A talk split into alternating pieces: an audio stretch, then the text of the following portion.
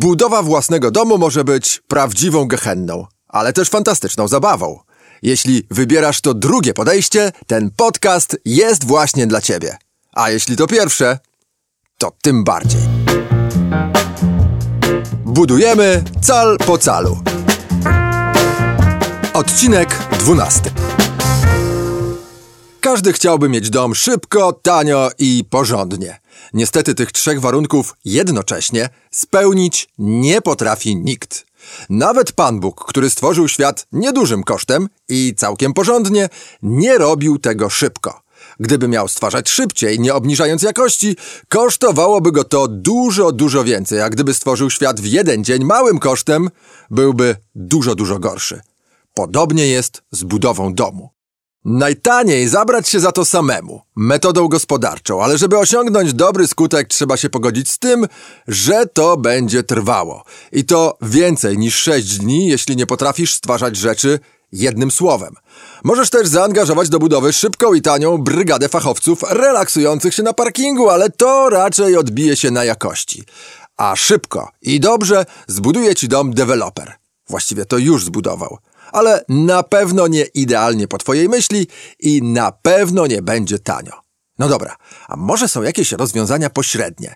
Trochę taniej niż u dewelopera, nieco szybciej niż samemu i nie aż tak źle jak z fachurami z parkingu. Takim rozwiązaniem może być dom modułowy. Własne cztery ściany mamy już po trzech, no czterech miesiącach. Ale nie będzie to raczej wielki dom, no może domek. Nie będzie super tanio, ale jakieś różnice w porównaniu z ofertą dewelopera będą raczej zauważalne.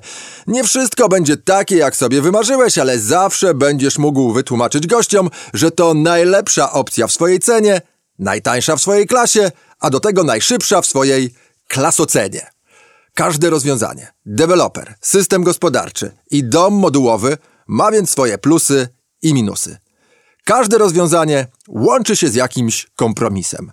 Dlatego ostateczny wybór należy do ciebie. Pamiętaj tylko, że kompromisy dzielą się na te rozsądne, te trudne i zgniłe. Na pierwsze warto pójść, drugie warto rozważyć, trzecich trzeba unikać jak ognia, węglowodanów i rozmów z szefem o polityce. Tylko jak rozpoznać, które kompromisy budowlane są złe, a które dobre?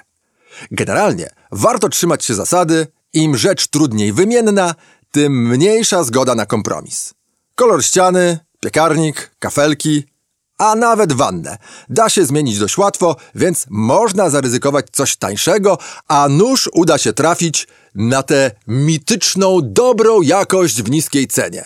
Generalnie jednak takie rzeczy występują raczej tylko w reklamach, więc jest spora szansa, że piekarnik, kafelki lub wanna pójdą do wymiany. Ale dwa dni bez piekarnika lub tydzień bez wanny to nie jest jeszcze jakiś straszny Armagedon, są przecież pizzerie i baseny.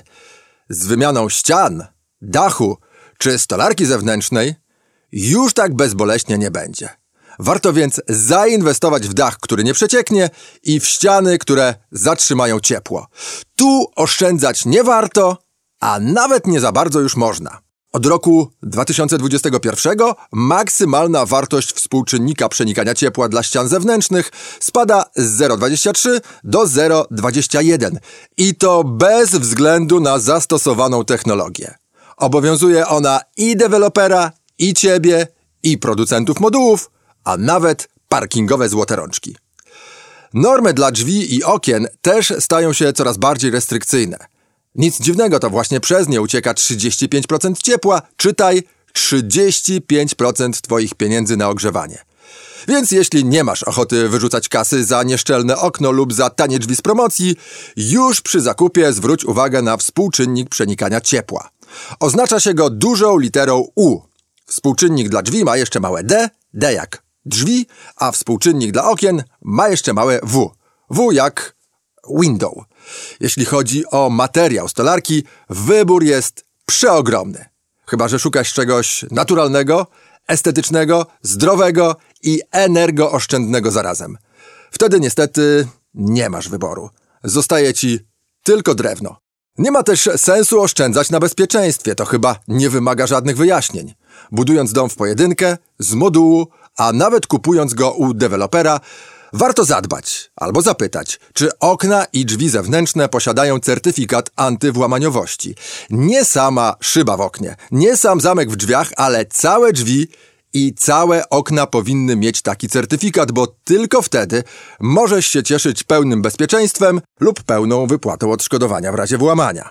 I jeszcze jedna rzecz, na której lepiej nie oszczędzać, nie eksperymentować na własną rękę, ani broń Boże nie zlecać mistrzom budownictwa spod całodobowego. Chodzi o montaż drzwi i okien. Jeśli chcesz być bohaterem w swoim domu, zrób stolik, półkę, połóż panele. Jeśli chcesz przeżyć ze szwagrem glazurniczą przygodę zakończoną zimnym piwkiem i wiesz, że żona zaakceptuje wasz 5-centymetrowy skos, to też jest jeszcze bohaterstwo do rozważenia.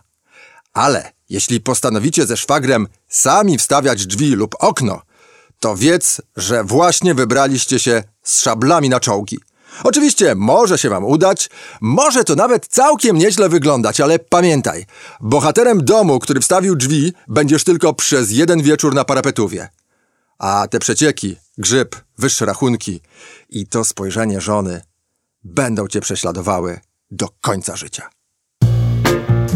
Marka Cal Prawdziwe Drzwi dziękuję za uwagę i zaprasza na kolejne odcinki. Czekając na ciąg dalszy, sprawdź blog www.prawdziwedrzwi.pl